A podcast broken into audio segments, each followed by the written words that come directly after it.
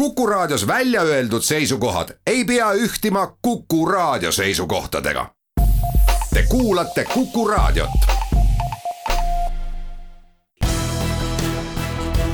olukorrast ajakirjanduses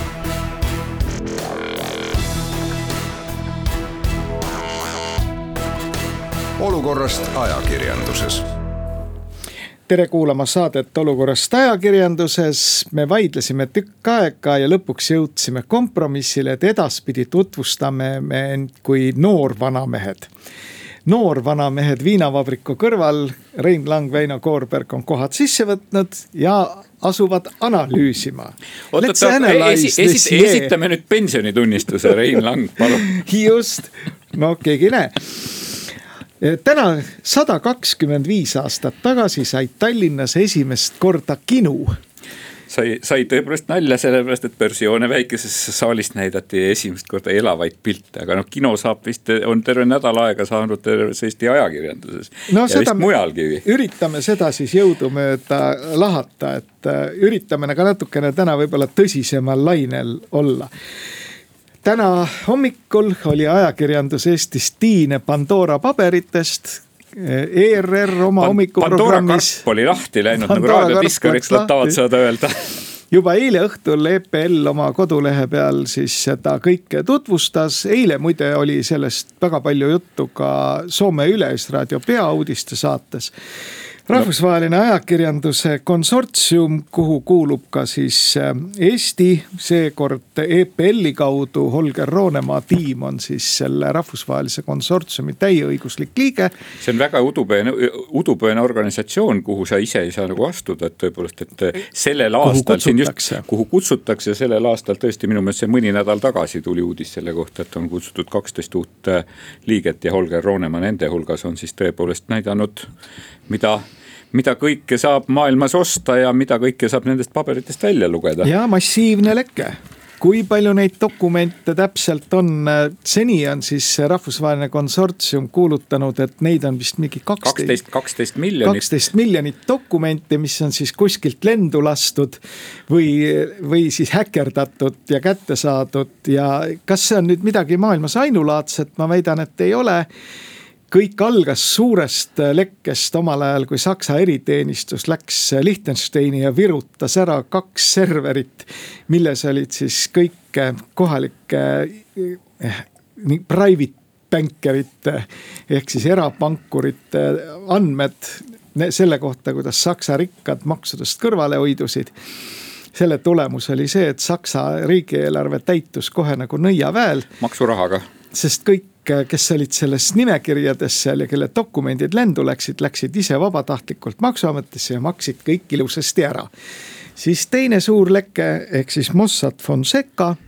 Panama, Panama paberid, mida ka, mis otsapidi jõudis ju Eestisse, muide sama ajakirjanike seltskond oli ka selle juures, nii et äh, see mõjutas muide ka Eestit üsna kõvasti. no Wikileaks ma sinna hulka nagu no, väga ei paneks. no Wikileaks on, on nagu selles mõttes, et nagu tekitas niisuguse poliitilise tormi ja nagu tegelikult halvendas oluliselt riikidevahelisi suhteid ja tegelikult äh, sellel oli ka tegelikult samasugune, mul on, ma arvan, isegi mõnes mõttes tugevam, tugevam mõju, aga noh, ütleme. jah olnud..., aga see oli puhas poliitika selles mõttes, aga need kolm suurt leket, Liechtenstein äh, Mossad Fonseca ja nüüd siis see nõndanimetatud Pandora paberid. see puudutab ikkagi sellist, kas siis hämarat, poolhämarat või ka siis imelikku äritegemist, kuhu on segatud ka maailma poliitilised liidrid ja ma arvan, et paljudes ühiskondades, mille hulka vist seekord Eesti ei kuulu on seda askeldamist nüüd lähinädalatel üsna palju. no Eesti kohta on ka, Eestis puudutavaid dokumente on siis Eesti Päevalehe väitel selles lekkes ligi kakskümmend tuhat ja kuussada ajakirjanikku saja seitsmeteistkümnest riigist on nende selle kaheteist miljoni dokumendi hekseldamise peale praegu nagu tööle pandud. et enne enne seda saadet äh, Reinuga, et noh, rääkisime päris mitmel teemal sellest, mul tuleb tegelikult meelde selle Panama paberite juures, et me oleme Panama paberitest rääkinud selles, selles saates ka, et mäletad, Rein, et tegelikult me nagu arutasime sellest, et kas see Panama paberid, et. et kuidas, kas on õige neid kasutada ja tegelikult ka, kuidas see lekk, paberite lekitamine võib tegelikult noh kanda varjatud eesmärki sellel samal lekitajal. ja tegelikult me arutasime siis isegi seda, et, et olgem ausad, oleme vaadanud äh, kõiki neid Youtube'i kanali pealt kõiki neid videoid, mida see Navalnõi meeskond, eks ju, on paljastanud. Äh, Äh, alates Tšaikadest ja Medvedjevitest ja, ja, ja, ja kodanike raudteeülem Jakunini kasukahoidlast, eks ju, kuni praegusel hetkel siis ka hetkel Venemaa, Venemaa välisministri salatütarde ja salanaiste teema juurde, eks, et ja oleme nagu alati mõelnud, et kust see informatsioon pärineb ja, ja kuidas see ikka nagu võimalik on, et tavaliselt Naval-, Navalnõi meeskond oma nagu informatsiooniallikad, dokumendid, lingid asjade juurde paneb veebiküljele välja, et et et minge vaadake, et igaüks võib jõuda nendele dokumentideni, et saime aru, et tegelikult no okei okay,, sihukeses Venemaa keskkonnas on on see informatsioon on täiesti selge kaup, mida saab osta, müüa, vahetada. ei pea olema Eestis, noh, me mäletame Imre Perlit vist selles osas andmebaasina. et see, see andmebaas nagu toitis ajakirjanikke väga pikalt, aga, aga, aga et üks asi on, et kui sa tõepoolest lähed nagu, käid mööda avalikke andmebaasi ja teine on see, et, et kui sa saad kusagilt mingisuguse kogumi dokumente mille kohta sa ei tea, et kas nad noh, pead igat viimset, viimset kui dokumenti kontrollima, kas need on autentsed, õiged, kas need ei ole muudetud. kas sealt ei ole osa välja võetud, kas need ei ole võltsitud, eks ju, selles mõttes on päris palju tööd. oo jaa, ega ma kujutan ette, et see, kes see algallikas on ka nende Pandora paberite puhul, et see peab olema ju veendunud, et nende dokumentide edasine käsitlemine punkt A ei too lagedale selle lekitaja töömeetodeid ja neid isikuid, kes sellega konkreetselt seotud on. sest see oleks tõenäoliselt lekitajale hukatuslik et ühelt poolt ta peab usaldama. jälle ütlen sõna Vikipeedia, eks. või mitte Vikipeedia, vaid Wikileaks. ta peab ju usaldama seda seltskonda, eks ole, ja ta peab usaldama ka selles mõttes, et see seltskond, kes nüüd hakkab nende paberitega edasi tööle. Et seal on piisavalt mõistlikke inimesi, kes oskavad luua neid seoseid selliselt, et nad mitte ei kahjusta kellegi mainet et nad ei muuda kogu seda operatsiooni ebausaldusväärseks ja nii edasi ja nii edasi.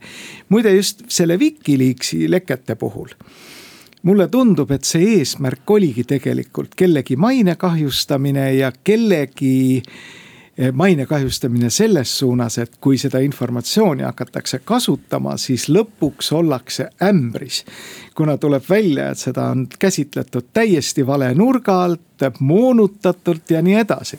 ja no, me ei... jõuame selle teemani seoses Estonia hukuga. no ja ma ei oska, Rein, ma ei oska sulle nagu selle koha peal vastu vaielda, et noh, on olemas selline tore kõne, et, et sa ei saa teha omletti ilma mune purustamata, eks ju. ilma, et nagu muna katki ei löö, eks ju, et, et täpselt samamoodi, et sa ei saa tegelikult tegeleda uuriva ajakirjandusega, kui sa juba ennast ette kinni paned sellega, et. et vaata, et ma nüüd ei satu lõksu, vaata, et ma nüüd kedagi ei kahjusta, vaata, et ma nüüd iseennast kuidagi nagu lolliks ei tee ja nii edasi ja nii edasi. aga ega see on ajakirjaniku kohus ju. aga selle, aga, aga, aga, aga, aga selles mõttes, mis puudutab sedasama Pandora pabereid, et, et, et minu jaoks nagu see sõnum on ikkagi see, et rahvusvahelisuses on jõud ja mitte üksnes, kui sa oled ärimees ja eks ju üritad oma, oma tulusid peita kõikvõimalike trustide ja, ja ma ei tea, mis, mis e, e, skeemide taha.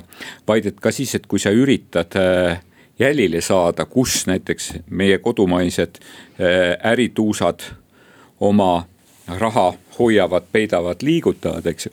sul on väga raske, eks ju, tegelikult, kui sa noh, lähed, maandud lennukist äh, kusagil Küproses, eks ju, niimoodi tühja koha pealt alustada. aga kui sul on oma uuriv ajakirjanik Küproses, kes teab, kuidas Küproses asjad, Küprosel asjad käivad. kuidas asju üles leida, kelle käest küsida, kellele maksta isegi kuni selleni, sest informatsioonist paratamatult, ma saan aru, et. kuna siin on räägitud, et need kaksteist miljonit dokumenti pärinevad neljateistkümnelt ettevõttelt, kelle, kelle äri ongi müüa saladusi müüa dokumente tegelikult, et siis nende eest tuleb ka maksta, et sa tead kellele maksta ja kust, kust see inimene üles leida. et siis selle rahvusvahelistuse, rahvusvahelistumisel on samasugune jõud umbes nii nagu internetil demokraatia levikus. no nii, aga selle koha peal väiksed kaubanduslikud teadaanded. olukorrast ajakirjanduses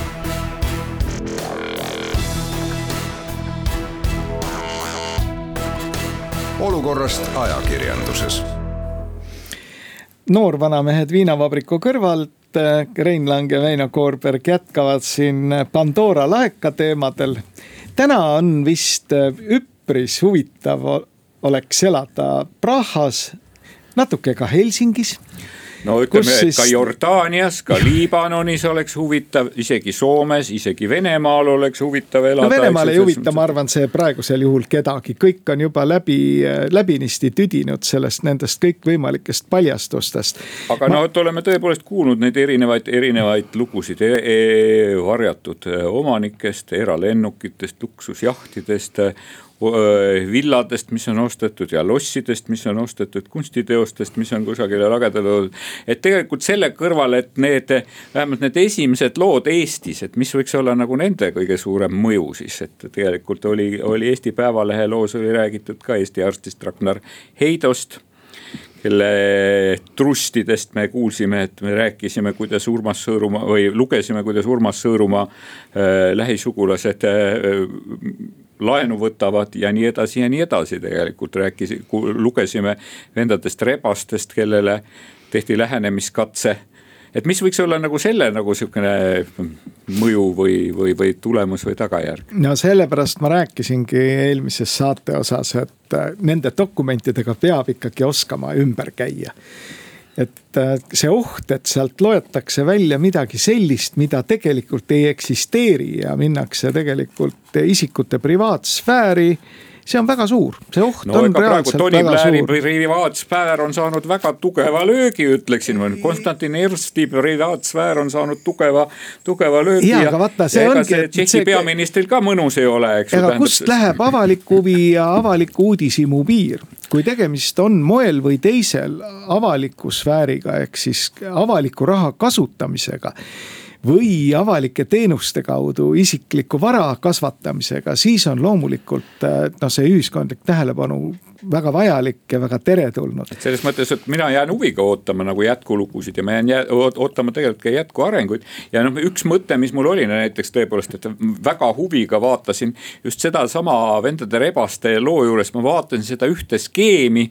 ehk et, et kuidas oli tehtud ettepanek, et kuidas saab asju teha. et, et tegelikult, et selle Eesti Päevalehe loo väärtus ei oli võib-olla mitte nagu laiemale avalikkusele, aga väga kitsamale ütleme mitte mitteavalikkusele, kes, kes, kes selliste skeemide paljastamise, uurimise, järelevaatamisega peaks tegelema. et vaadake hoolega neid pabereid, eks ju, tähendab õppige meetodeid, eks ju, ja õppige vaatama, mitte üksnes ajakirjanikud ei pea ennast õppima, vaid tegelikult samamoodi eh, ei pea õppima asjadest aru saama ja, ja, ja, ja neid ei tule selle osa lõpetada, aga. aga noh, siin riigiski on teistsugused, et võib-olla maksutulud hakkavad meil ka ühel hetkel kasvama tänu sellele. no see Küprose skeem on nagu omaette tasuta õpe õppetund ka nendele, kes saavad maksudest kõrvale viilida, eks. ei no seda küll, aga no see tähendab, see tähendabki seda, et, et, et mitte üksnes ajakirjanikud ja mitte üksnes ärimehed ei peaks seda skeemi uurima, vaid et, et on veel inimesi, kes peaksid seda skeemi väga tähelepanelikult. aga Soomes on hetkel nüüd siis võib-olla see ühiskondlik peatähelepanu läheb sellisele mehele nagu Gennadi Timtšenko kes on Soomes tuntud inimene, ka Soome Vabariigi kodanik, omab kaksikkodakondsust, Vene Föderatsiooni ja Soome kodakondsust omas kunagi sellist jäähokimeeskonda nagu Jogerid, kes praegu mängib KHL-is ja väga edukalt muide. kes on seotud ka siis Hartwall Arena püstitamisega Helsingi kesklinna, mis on eestlastele tuntud kontserdipaik. ja Soomest üsna tuntud ja lugupeetud inimene ja nüüd on siis tekkinud selline ajakirjanduslik materjal, mis ütleb üheselt, juba eile õhtul ütles, et Timtšenko tegelikult, kõik need Timtšenko varad, mis on ka Soomes, kuuluvad tegelikult president Putinile nii et noh, ütleme, et Soomes on kindlasti päris huvitavat mõttevahetust tulemas. on, mille üle mõelda, aga, aga no me jääme tegelikult, et see praegu oli kõik alles algus, et kui me vaatame selja taga televiisor, eks ju, näitab täpselt samamoodi Pandora laegast kogu aeg hetkel, eks ju, et siis. et siis ma ei saa tõepoolest väga kategooriliselt ei saa ma nõustuda portaaliga Uued Uudised, kes, kes äh, lõppenud nädalal avaldas nekroloogi Eesti ajakirjandusele, öeldes, et puhka rahus, professionaalne Eesti ajakirjandus, me jääme sind taga igatsema, sest Eestis on peaaegu olematu uuriv ajakirjandus, mida, midagi justkui oleks. aga kui lähemalt vaadata, paistab kallutatus kohe silma. ja ajakirjanikud teevad põhjalikke uurivaid lugusid neist, kes on võimuringkondade silmas paarijad. no ma ei julge Urmas Sõõrumaa kohta küll nagu paaria ütelda. eks seal oli nagu muidki toredaid tõdemusi, näiteks selle kohta, et Eestis ilmselgelt konservatiivse maailmavaatega reportereid pole, sest neid ei võeta eh, peavooluväljaannetesse töös, tööle ja nooremad ajakirjanikud on täielikult Euroopas, Eestis valitseva vasakpoolse liberaalse võimueliidi usku.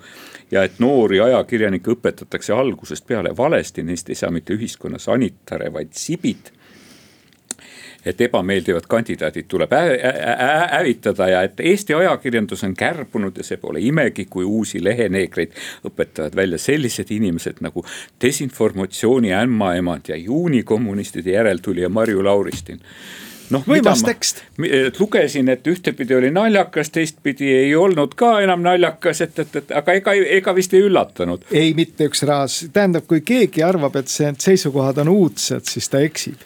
täpselt seda... samasugust möla oleme me juba lugenud kümme aastat tagasi, viisteist aastat tagasi sellisest tublist väljaandest nagu Kesknädal ei ole palju aega mööda sellest, kui Tallinna Televisioon veel eksisteeris ja kolmapäeva õhtuti oli eetris seal surematu ajakirjandusanalüüsi saade, mida juhtis Heimar Lenk. vestluskaaslasteks Urmi Reinde ja Mart Ummelas. Sama tekst. No päris Täpselt... sama, päris sama ei ole, võib-olla räiguse astmelt, eks ju, tähendab võib-olla natukene erinev, aga aga no eks seda ajakirjanduskriitikat on, tuleb nüüd praegusel hetkel ust, ustest akendest, me vist siin Reinuga kipume varsti juba nagu konkurentsis alla jääma tundub. ei, aga mida ma tahan öelda, ongi see, et, et see on kõik hästi unustatud vana, eks ole, see, mida Uued Uudised praegu meile pakub nii nagu see partei on võtnud üle selle eliidivastasuse lipu, võitluslipu Keskerakonnalt ja on saanud endale hulgaliselt Keskerakonna valijaid taha nii ta võtab üle ka selle retoorika oma ajalehes enne kesknädal, nüüd uued uudised, vahet pole mingisugust. võib-olla ainult värvides, eks ole, ja võib-olla trüki kvaliteedis on see vahe, nii et pole midagi uut siin päikese no all praegu veel. ajakirjandussõimad on, on populaarne, aga tegelikult ütleme, teine lugu, mis, mis pälvis minu tähelepanu, oli Kaarel Tarandi lugu Millest mitte rääkida Sirbis, eks ju, kus ta, kus ta püstitas küsimuse, kus näiteks Postimehe peatoimetaja, Postimehe rahastaja võiks. et, et siiamaani ei ole välja pakutud mõistuspärast seletust sellest, et miks, miks leht peaks tegelema mm, mütoloogia paljundamisega ja fantaasiaküllaste materjalidega. ja Karel Tarand on siin võtnud, võtnud kritiseerida just seda Estonia Eh, ekspeditsiooni kajastust ja kõige sellega seotud materjali ja küsib, et kuna leht ja eeter on piiratud ressurss, siis mille, millegi avaldamine tähendab millegi avaldamata jätmist, et mille jätab Postimees kajastamata, kui ta on otsustanud asutada Estonia uurimise püsirubriigi ja tegelikult Estonia teemal tahtsime meiegi ju rääkida selles saates. no vaata, nüüd ongi, tekibki huvitav olukord meil on kaks suurt kirjastajat, kes annab välja märkimisväärse osa ajakirjanduslikust materjalist, nii Ekspress Grupp ja Postimees. kui me nüüd lisame sinna, et Postimehe juurde kuulub ka ikkagi see duomeedia, kellel on hulgaliselt tele- ja raadiokanaleid ja Ekspress on üks lipulaevadest on ka Delfi, kaks suurt nüüd ühel on ligipääs Pandora laekale, eks ole, uuriva ajakirjanduse sellisele lõputule laekale, kust õnnestub välja võtta igasuguseid teemasid. põhjatu laegas, täpselt. tänane Eesti Päevaleht muide kirjeldab väga värvikalt ikkagi seda Tšehhi olukorda, kus nende täna istub peaminister, kes seisab, kel seisavad ees valimised just eeloleval nädalavahetusel. kellele tõmmati ämber täiega pähe nüüd ühe mingi prantsuse villaga, eks ole. nii et äh, palju huvitavat ja nüüd millega vast-, mille, millele siis nüüd vastab, eks ole, tõesti Postimehe kontsern selle Estonia huku uurimisega see on sihuke vastuoluline teema, sellepärast et arutasime ka, et mida seal, et sest seal on, on asju, mida ma nagu selgelt ütleks, et, et mis käivad mulle koledasti närvidele. mulle käis möödunud nädalal hästi närvidele see, et, et kui sotsiaalmeedias hakkas levima äh, üks videoklipp, umbes kolmesekundiline, kus äh, kaks äh, tütarlast tulevad äh, kiirabiautost välja siis tegelikult Postimehele kuuluvas, see oli vist Sõbranna portaal, aga see oli Postimehe esiküljel. näidati, esitati küsimus, leiti videoklipp väidetavalt Estonialt päästetud õdede-veidedega. Kus oli öeldud, et see ilmus kusagil seal Soome MTV3 portaalis. ei ühtegi viidet, linki ja ei ühtegi kommentaari ja et see kogus nagu klikke ja kommentaare seal reede, laupäeva ja siis sellele lisame, et võtaks klikid ja kommentaarid, et siis, siis järgmisel hetkel tuuakse mängu kadunud kaksikõdede eh, vanemad, kes ütlevad, ei vist nagu ei ole meie lapsed, aga mine tea, saladus püsib, eks ju, selles mõttes, mis on mängitud väga. no ütleks ma kuidagi eemaletõukaval viisil on mängitud veel ja siis pühapäeval ilmub sinnasama portaali äkki siis eh, eh, ajakirjanduslik materjal, siis isegi mitte ajakirjanduslik materjal, vaid et see eh, nendes videos kujutatud Estonialt pääsenud äh, naisterahvas kirjutab ise Facebookis, et ei ole need, et mina olen selle video peal. et kus oli see ajakirjaniku töö kõik need kaks, kaks pool päevad, enne kui ma selle materjali üles riputan. no püüan ise natukenegi midagigi selgust saada, vot, vot see, see nagu, see ei ole isegi mitte poolik töö, see ei ole isegi mitte puudulik töö, see on üli puudulik ajakirjanduslik käsitlus. ja vot selline ülipuudulik ja küündimatu ajakirjanduslik käsitlus paratamatult tegelikult määrib võib-olla ka väga tõsist uurimistööd, sest ma kujutan ette, et, et robotkaameratega selle veealuse vraki kaardistamine on väga professionaalne töö, et ma, ma ei oskaks seda nagu, seda kuidagi nagu eriliselt rünnata. aga ma saan rünnata seda suurt soovi nihukeses selles kakskümmend neli seitse, selles lõppematus uudiste tsüklis toota kõlavaid pealkirju selle ümber. No ma arvan, et sa tabadki naelapea pihta praegu, et äh, ühelt poolt noh, et selline teatud osa nende väljaannete toimetustest lootis hästi palju sellest uurimislaevast, et noh, sealt tuleb iga kahe tunni tagant mingi sensatsiooniline uudis, millest saab siis kirjutada. ja, ja, ja häbi teile, kui te ei too iga päev kaksteist sensatsioonilist ja, uudist, eks ju, kui te olete keset, keset kõikuvat merd, eks ju, ja, ja teate, et kusagil all sebib mingisugune robot, eks ju, te saate ekraani alt. kus on skandaalid, kus ja, on pealkirjad? ja nüüd tuleb hakata seda kõike kompenseerima mingite muude lugudega, eks ole, laeva pealt enne nalja ei tule piisavalt informatsiooni, mida saaks siis pikalt kajastada. Ja siis hakkavadki tulema sellised imelikud, no leiti video, leiti video, seesama pilt oli, ma mäletan, peale Estonia hukku mitmes väljaandes üleval aga no ütleme, tänased to toimetuses töötavad inimesed on nii palju noored, et neil puudub isiklik mälu selles no, Rein, osas. ma ei, ma ei usu, ma arvan, et kui nüüd ütelda, et leia see video, et eks ju, leia mulle see teine video, eks ju, tähendab see, see, kus väidetav Arvo Piht on, eks ju, või Aavo Piht, eks ju, siis eh,. Aavo Piht, et siis, siis, siis läheb ikka tükk aega, enne kui sa selle üles leiad. no ja, aga selleks on vaja natuke vaeva näha, nagu sa ütledki, et kus olid ajakirjanikud kaks päeva. nüüd ma eile mõtlesin, et ma sõnastaks ära mingid neli võimalust, mis on kogu selle jandi juures praegu.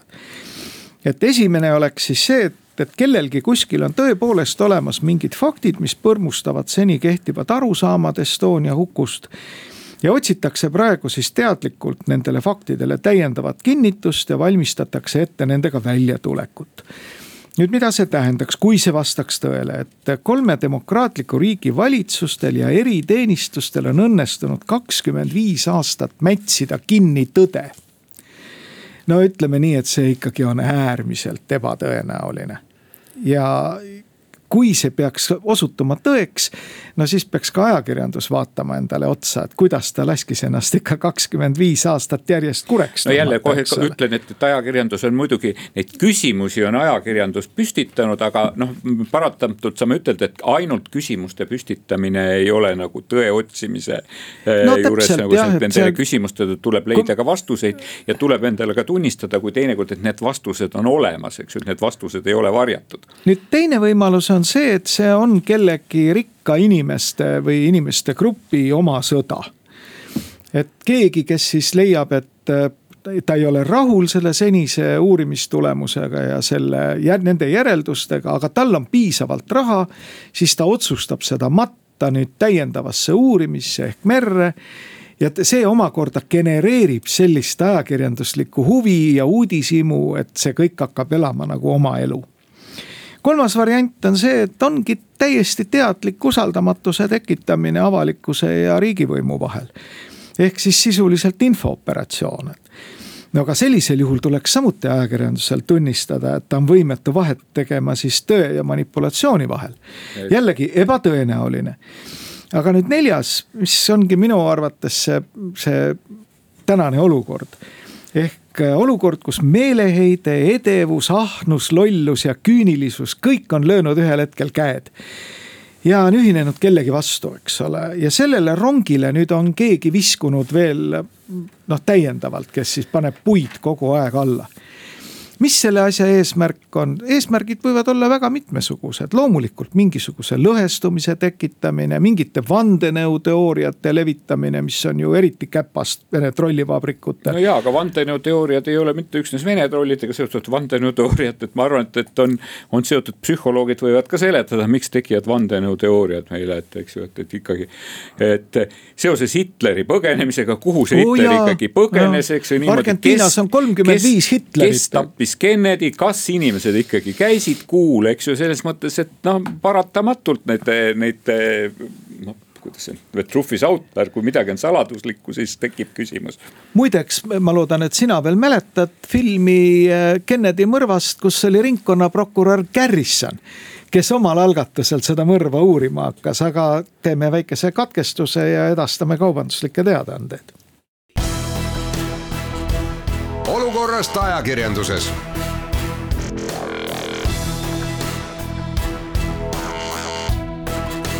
olukorrast ajakirjanduses. Väino Koorberg ja Rein Lang jätkavad ja me rääkisime Estonia huku põhjuste uurimisest ajakirjanduslikul tasemel, millega Postimehe kontsern on nüüd väga põhjalikult viimasel ajal tegelenud kuid kahetsusväärselt edastanud ka igasuguseid kummalisi uudiseid, nagu siis äh, pildid äh, väidetavalt pääsenud tantsijataritest äh, veidedest. eks me oleme saanud selgemaks ka seda, et salapärane valge mass seal merepõhjas on. on tegelikult savi, eks ole aga me võime ju ironiseerida kõige selle värgi suhtes, aga mina olen tõsiselt ikkagi mures, et antud momendil on nagu Postimees pannud suhteliselt palju ühele kaardile et ta on seda kõike kajastanud ikkagi lootuses, et tuleb mingit kvalitatiivselt väga olulist ja väga uut informatsiooni ja kui nüüd seda kõike veel vürtsitatakse mingisuguste selliste imelike videotega, mis loovad uusi vandenõuteooriaid siis kas mitte ei ole kellelgi nagu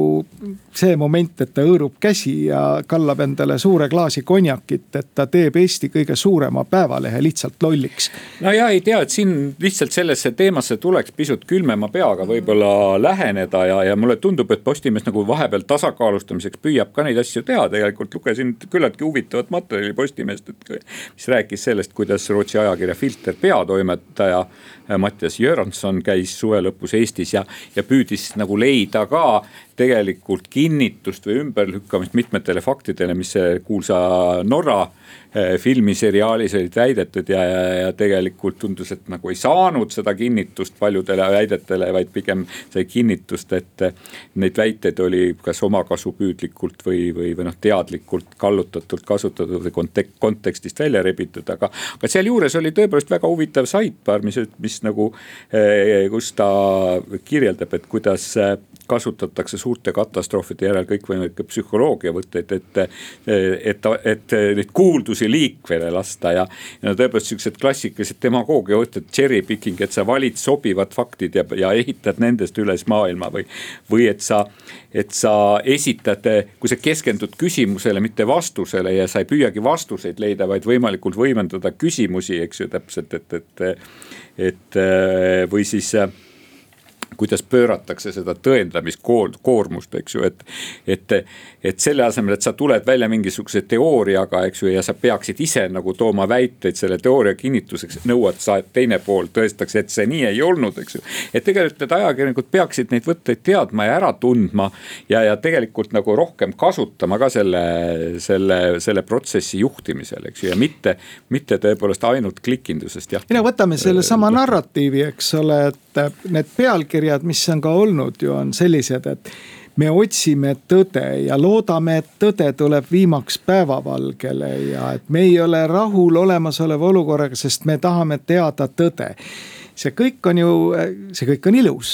ajakirjanduse roll ongi tõde otsida. ajakirjanduse roll on otsida tõde ja kes selle vastu on, et kui me saame mingit uut informatsiooni, ainult et see kõik on suunatud sellele, et olemasolev rahvusvahelise uurimiskomisjoni lõppraport ei ole tõde no ega ta ei olegi, aga no ma, ma, ma siin ma nagu väidangi seda, et tegelikult, et uurimisraport ei ole ka ju tegelikult, see sisaldab ka kellegi nagu arvamust. kõige tõenäosuslikumat versiooni, see on ikkagi komisjoni hinnang, eks ju niimoodi, et noh, hinnangut on alati ja, võimalik muidugi. ja loomulikult ei olegi, ei saad aru, ega, ega ei ole ju selle vastu midagi, et koguda uut informatsiooni, meil on tehnoloogia vahepeal muutunud saame mingeid täiendavaid andmeid, eks ole, ja siis võrdleme seda olemasoleva sellise noh, tõeversiooniga, mis meil eksisteerib. see kõik on täiesti okei okay,, aga kui sa juba eos kuulutad välja, et see, mis on, on vale et me nüüd otsime tõde, siis see loob mingisuguseid ootusi, eriti no ütleme vähese informatsioonilise ettevalmistusega inimeste no, sel hulgas. teemal me Reinuga siin enne saadet vaidlesime hoolega ja, ja mõtlesime seda, et kas ajakirjanik, kui ta mingisugust teemat uurima läheb, et kas ta, kas ta peaks nagu lähtuma sellest, et on olemas mingisugused, mingisugused siuksed tõed, mida me, või need dogmad, eks ju, mida ei tohiks nagu puudutada et, et, et me usume neid pimesi ja ei püüagi neid kuidagi vaidlustada või ümber lükata. no vaata loodusseadus. ajakirjanik ei peaks nii päris olema. vaata Veino, loodusseadused ja, ja korrutustabel vist ilmselt on ikka objektiivsed. ei, seda, ei, selles mõttes olen ma sinuga kindel, kuid ma jään ka selle arvamuse juurde, et isegi Estonia huku nagu uurimiskomisjoni lõppraport ei ole loodusseadus ja ta ei ole ka korrutustabel. seda ei ole ma üritanudki väita, aga ma ei ole, ma ei ole rahul sellega, et see kuulutatakse nagu ka meedia, meedias ilmuvate pealkirjadega lihtsalt valeks. et hakatakse otsima tõde, sest see ju ei ole tõde. Ja see teeb alati väga ettevaatlikuks, aga no jälgime muidugi sündmusi, ega siis lõppastmes nüüd on siis ka Rene Arikase ehk siis Eesti Vabariigi poolt seotud äh, komisjoni, uurimiskomisjoni juhi kord omakorda siis rääkida, mida tema kogu sellest. ja mina jään huviga ootama tegelikult mõlema komisjoni puhul just seda, et ma ei oota, ma ei oota katastroofilisi sõnumeid või sensatsioonilisi sõnumeid merelt, vaid ma tegelikult ootan neid sõnumeid pärast merel kogutud informatsiooni põhjalikku no ütleme professionaalset analüüsi. ja muide väga, väga hea, et selle uurimislaeva peal olid need ajakirjanikud, näiteks Timo Tarve, kes edastas iga päev mitu korda otse telefoni kaudu informatsiooni sellest, mis siis toimub. mida nad on näinud, millised on tulemused, see kõik on suurepärane minu, ma tahaks ka kiita Postimehe toimetust kolleeg Marek Strandbergi, kes on siis iga kord, kui jälle nüüd selle kogu müüdi loomise keskel tullakse välja mingi imeliku teooriaga, et Estonias visiir plahvatas. et äh, materjaliteadlased on jõudnud järeldusele, et toimus plahvatus, siis Marek alati ütles, et oot-oot-oot, tema kui teadustoimetaja ütleb, et see nüüd äh, ei saa olla mingi tõeline tõde, et seda tuleb hakata kontrollima, vaatama, et millised on siis veel põhjused selle metalli muutumises seal ja, ja see kõik on väga õige, ilma kriitilise mõtlemiseta ei saa asja. aga tõmbame sellele jutule joone alla. meil on äh,, ahaa, kaubanduslikud teadaanded vahepeal. olukorrast ajakirjanduses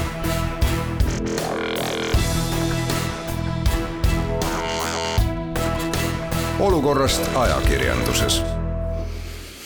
Rein Lang ja Väino Koorberg jätkavad siit Kuku raadio stuudiost ja meil on selline vahva ajaleht nagu Meie Maa jah, meil oli, ei oleks arvanud, et me sellest eh, lehest selles saates pikalt räägime, aga, aga möödunud nädal andis selleks põhjust ja tegelikult ma siin püüdsin nädalavahetusel Reinu intrigeerida mitmel teemal. nimelt ilmus siis reedeses Meie Maas ilmus mitmel-mitmel leheküljel tore vestlusring Saaremaa poliitikatipud loodavad valimiste järgset üksmeelt.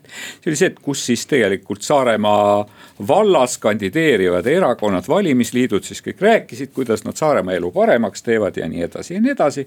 et tegelikult ega väga nagu ei märganud selle juures märksõna sisu tulnud, kui ma ei oleks märganud selle väljaande kommentaare kus oli, kus kommentaarides äkki küsiti, et kas see mitte tegelikult, et kas see, kas lugeja ikka sai hästi aru, et tegu oli hästi makstud reklaamiga. ja sinna juurde pandud siis meie maa vastutava väljaande ja, ja kiri kõikidele valimisnimekirjadele, kus anti teada, et meie maa kutsub kokku sellise toreda valimisdebati, et me valmistame ette küsimused, teie saate vastata. eks ju, sellest valmib ilus reportaaž ja et igaüks, kes tahab selles debatis osaleda, see maksab siis vast sõltuvalt sellest, kui pikk meil see debatt tuleb, kakssada viiskümmend või kolmsada nelikümmend eurot pluss käibemaks, eks ju.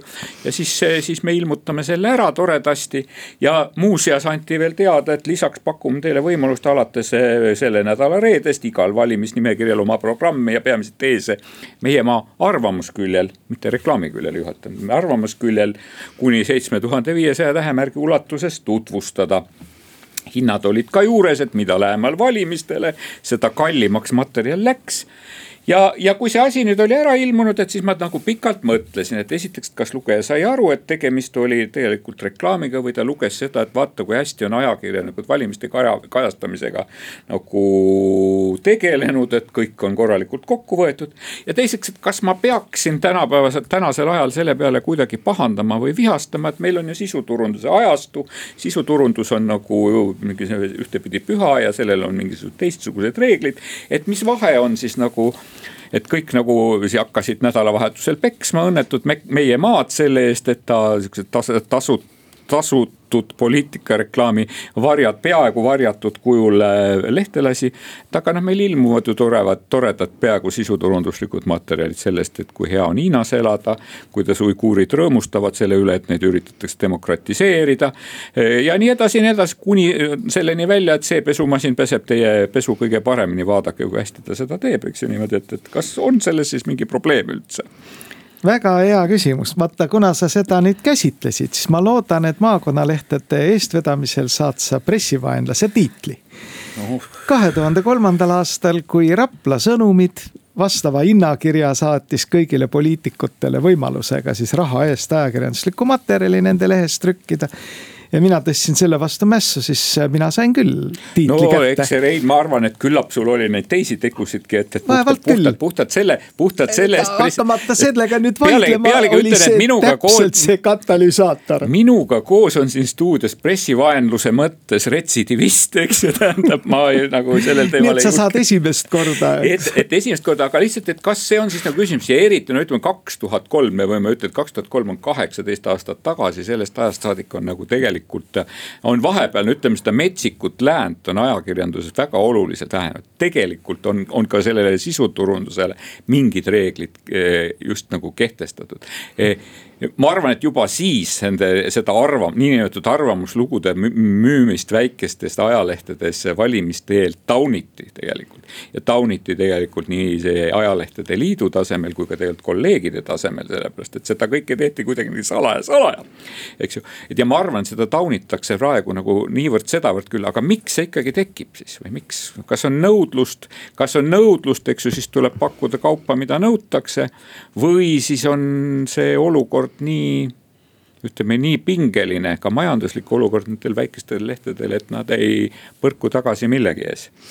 nojah, kui oled raskes majanduslikus olukorras, siis kuidas käituda, eks ole, et kas siis lähevad müügiks kõik väärtused e ma siiski julgen väita, et kaks tuhat kolm oli see taunitav, väga kõvasti taunitav ja see, et nüüd ligi kakskümmend aastat hiljem tehakse samasugust tsirkust, see on muidugi ikka päris uskumatu. kui me võtame, kui me võtame ikkagi nagu Eesti ajakirjanduse eetikakoodeksis, seal on eraldi olemas punkt, mis ütleb, kus üks reklaamsuhte korraldusmaterjal olgu auditooriumi jaoks selgelt eristatud ajakirjandusest, tekstist ja pildist. ja tegelikult, et kui ikkagi ilmub mitmel küljel sihukene ümar, ümarlaud, mille autoreid küll lehes ei ole nimetatud, aga selles samas reklaamkuulutuses on ka öeldud, et sellel ümar, seda ümarlauda juhivad kaks konkreetset ajakirjanikku, kes tegelikult esinevad samas väljaandes ka nagu uudiskülgedel toredate uudiste autoritena.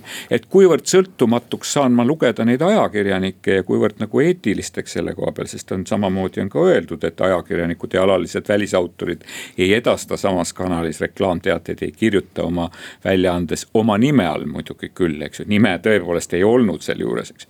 aga lugejale anti ju mulje, et vot meie maa korraldas vestlusringi, kõik nad tegelikult rääkisid äh,. nagu ma saan aru, et tegelikult toimus ka see, et, et igaüks sai oma vastuseid selles vestlusringis veel tagantjärele nagu putitada ja sätitada, eks ju, tähendab ja ümber sõnastada, kui ta juhtus dis-, eh, selle debati käigus kuidagi nagu ebasobiva väljendiga välja tulema, sai ta oma teksti ümber kirjutada. kurjad keeled räägivad isegi seda, et, et üks valimisnimekiri, kellel ei õnnestunud oma parandusi sisse viia, on siiamaani keeldunud täissummat selle eest maksmast, eks ju, tähendab, aga noh, need on, need on kõik niisugused, ütleme, seksikad detailid selle juures, aga, aga no tõepoolest, et seesama piir sisuturunduse ja sisu vahel, et, et kui tugev see sein peaks olema. minu meelest see, see sein peaks olema eriti tugev just valimiste ajal. aga me oleme nüüd tümitanud Meie Maad ühte väljaannet, kas me tõesti arvame, et teistes maakonnalehtedes sedasama jama ei ole toimunud? no ma tahaksin väga loota, et sedasama, sellist jama nagu päris ei ole ja, ja tegelikult palun, ma tahaks ka teha soovituse, kui see oleks nagu olnud teistmoodi kujundatud, kui selle, kui seda vestlusringi ei oleks juhtinud ajakirjanikud. kui Meie Maa oleks täiesti selgelt avalik tegelikult algul suurelt lugejalt, et vot see on reklaam. me võtsime selle eest raha, lugeja, kui sa tahad lugeda seda, loe nüüd, eks ju.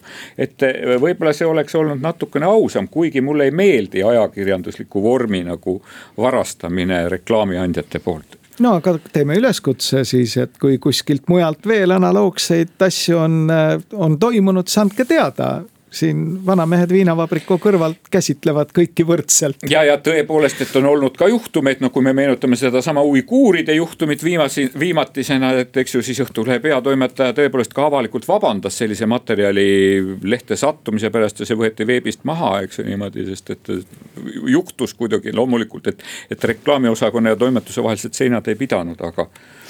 Üks teema veel enne kui otsad kokku tõmbame ja on äh, torm veeklaasis, on täiuslik, täiuslik torm. TV3 on prime time'is edastamas uut tõsielusarja mis noh, erilist vahet tavalise pornofilmiga eriti ei ole. ei, ma tahtsingi öelda, et Rei, Rei, Reinule, et kui me, kui me kirjutasime oma märksõnu, siis ma ütlesin, et me võiksime rääkida ka ikka nagu päris ajakirjandusest. noh, see on nagu see, et kus ma nagu võiksin öelda, et muidugi, et see on ka selge, et kus vahe on ajakirjandus ja sinna teisel pool seina jääb meedia ja meelelahutusmeedia. et, et me nägime siis TV3 saadet Poissmeeste pidu, eks ju, kus kus, kus ütleme, võis näha siis kõike, mida näha võiks, seksi, käperdamist ja voja, oladena voolavat alkoholi. ja selle peale tegelikult endine, endine AK uudisteankur Harri Kingo esi, esines sotsiaalmeedias ikkagi täiesti tormilise avaldusega, et see saade tuleks eetrist maha võtta. no mitte ainult tema, siin on nördinud inimesi kuhjaga, kes nõuavad koheselt riiklikku sekkumist meie oleme siin Väinoga ühte meelt, ei mingit riiklikku sekkumist, vastupidi las aga panevad edasi. Et see niisuguse materjali edastamine prime time'is viib selle telekanali põhja kiiremini, kui me siin võiksime arvatagi. Nii et see olgu ikkagi sellise eneseregulatsiooni tulemus. ja ma ütlesin ja, ja sellistel puhkudel aitab kõige rohkem välja naermine, mulle väga meeldis see, kuidas äh, Geeniuse portaal tegi ka sellest Kohtingu saatest kokkuvõtte omaenda portaalis välismaistest saadetest inspireerituna. Arutasid neiud, et vast kohtuvad nad pikkade ja musklis meestega, kes põlvist nõrgaks võtavad. mingeid kalvikallesid ei kannata, kõlas autos ühe tüdruku lause, need lootused aga purustati, sest just Kalvi Kalle neid eest ootaski. Kalvi Kallel endal oli tüdrukutest aga üsna ükskõik, sest palju suurem kirg oli tema ja ta õllepurgi vahel. aga saade on sellega läbi me ei, me, üks... me ei jõudnud tegelikult veel kajastada seda, kuidas, aga ma arvan, et järgmisel nädalal me oleme pisut targemad, et kuidas Rootsis hukkus liiklusõnnetus prohvet Muhamedi karikatuuridega tuntuks saanud kunstnik Lars Vilks, et praegusel hetkel arutatakse, kas tõesti tema soomusauto äh, lõhkemiskindlad rehvid on lõhkenud või mitte. aga Eesti uuriv ajakirjandus tegi läinud nädalal ka selgeks, et presidendi kantseleis on raha otsas selle peale vastas presidendi kantselei ülem, et uus president võib asuda tööle täie jõuga. meie ettepanek uuele presidendile oleks võtta oma bänd kokku ja teenida endale elatist, kuni algab uus eelarveaasta. saadet jääb lõpetama ansambel Rentaablus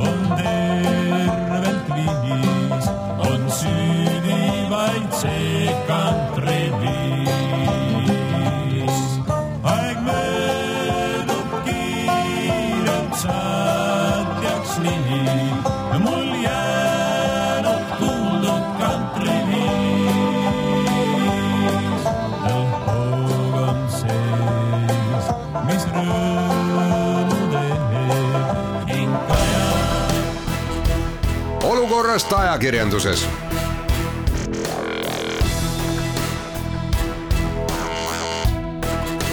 olukorrast ajakirjanduses